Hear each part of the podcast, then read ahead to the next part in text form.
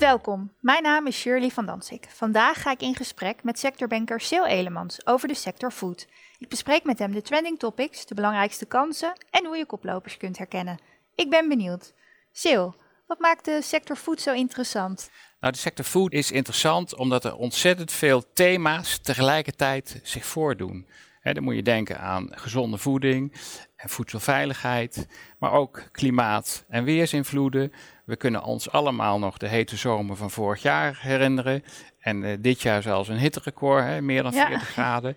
Nou, we hebben te maken met uh, onzekerheid over brexit en internationale handelsverdragen. De druk op de arbeidsmarkt neemt ook toe. Hè. Daar, daar moet die ondernemer uh, een oplossing voor zien te vinden.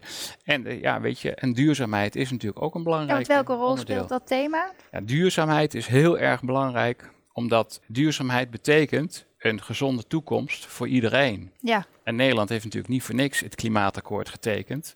En er komt uh, heel wat op die sector af.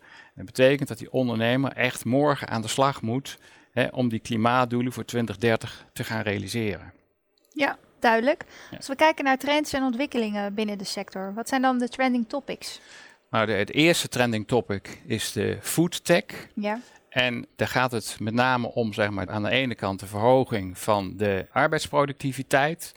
En om zo ook de concurrentiepositie van de Nederlandse foodsector te borgen. Denk aan hè, lage lonenlanden. Dus wij kunnen met foodtech daar een oplossing voor bieden. En aan de andere kant kun je met foodtech kun je gebruiken om zeg maar, een deel van die arbeidsmarktkrapte die er aan zit te komen op te lossen. Je ziet aan de ene kant zie je steeds meer precisierobots het werk overnemen van aan de lopende band. Ja. Daarmee wordt het werk ook veel aantrekkelijker. En aan de andere kant weten we dat in, eind 20, dat in 2030 er 47.000 mensen met pensioen gaan. He, dus flink aantal, dus daar moet een flink aantal. komen. En daar moet eh, vervanging voor komen. Ja.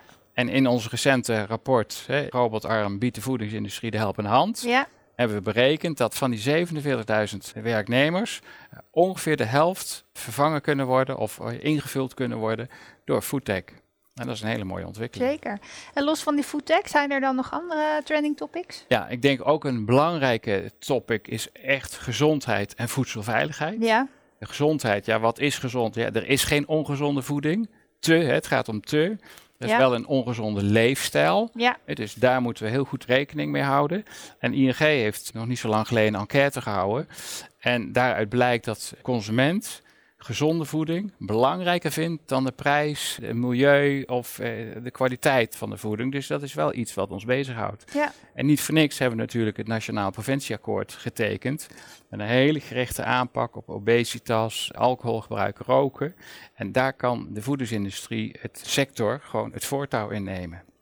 Ja, en voedselveiligheid is natuurlijk ook eh, eh, evident eh, belangrijk. En middels traceerbaarheid van de herkomst van, van voeding in de keten weet je gewoon hè, wat er zeg maar waar uh, afspeelt.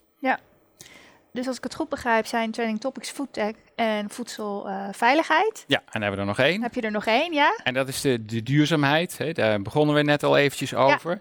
En dat heeft alles te maken met uh, uh, duurzaam werkgeverschap. Ja. Weet je, het aantrekkelijk werk, maar ook op, het gaat ook om opleiding en scholing, om mensen aan je te binden en nieuw talent aan te trekken. Ja. Maar het gaat ook over energie-efficiëntie, energietransitie. De sector moet naar 2030 moet 2,3 megaton uh, CO2 zeg maar, reduceren. Dat doe je niet vandaag op morgen. Nee. Daar moet je echt, uh, echt uh, nu al concrete plannen mee maken. Dus daarmee aan de slag. Hè, met die energietransitie, maar ook met smart building, isolatie. En dat is een, dat is een heel belangrijk Ja, onderdeel. dus er is genoeg te doen. Het is genoeg te doen. Maar wat zijn jouw verwachtingen dan voor eh, 2020? Nou, de verwachtingen zijn dat de foodsector als geheel die stijgt. Ja. Maar niet zoveel. En dat heeft ook weer te maken met bijvoorbeeld die slechtere zomer en de krimp van de, van de veestapel. En we zien wel dat de consument is heel duidelijk bezig met voeding. Hij stelt de smaken veranderen. Dus daar, stelt hij, daar denkt hij over na.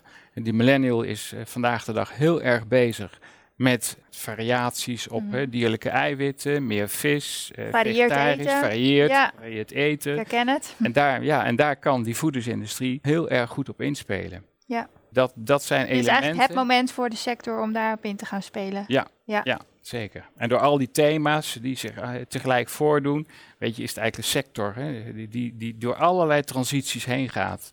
Ja. Energietransitie, gezondheidstransitie, duurzaamheidstransitie. Ja. Dus ja, weet je. En wat zie jij dan als de kansrijke gebieden? Nou, de belangrijkste kansrijke gebieden, ik zie zeg maar bij de industriële bakkerijen.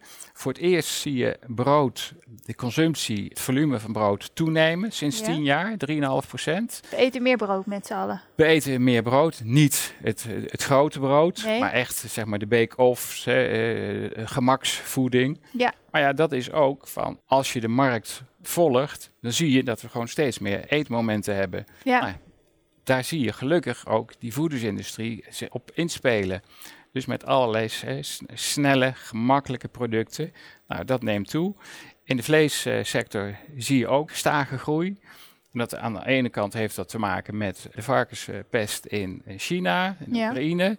Dus er neemt de vraag naar Europese producten toe en de, Nederlandse eh, varkensvlees.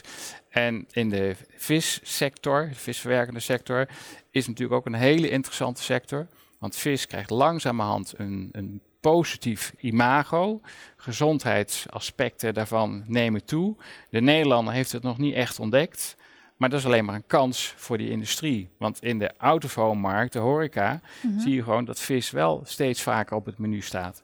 En daar heb je hem weer, diezelfde millennium, die is veel actiever bezig met variatie van voeding. Ja.